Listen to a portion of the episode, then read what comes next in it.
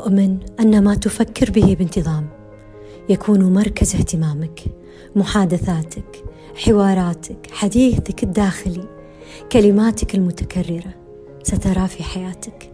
لا تنتظر الصحة وأنت دائم التفكير بالمرض ودائم البحث عن أسباب المرض. إذا كنت تؤمن بالسعادة والخير الوفير ففكر فيهما فقط وتحدث عنهما ولتكن تصرفاتك نابعه عن قناعة وإيمان بهما.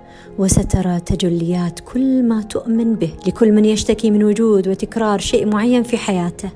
نام أصحاب الكهف على حسن الظن بربهم فاستيقظوا وقد تغير كل العالم من حولهم. أين يؤدي بك ظنك؟ ماذا تظن عن ظنك بالله؟ وتذكر أليس الله بكاف عبده؟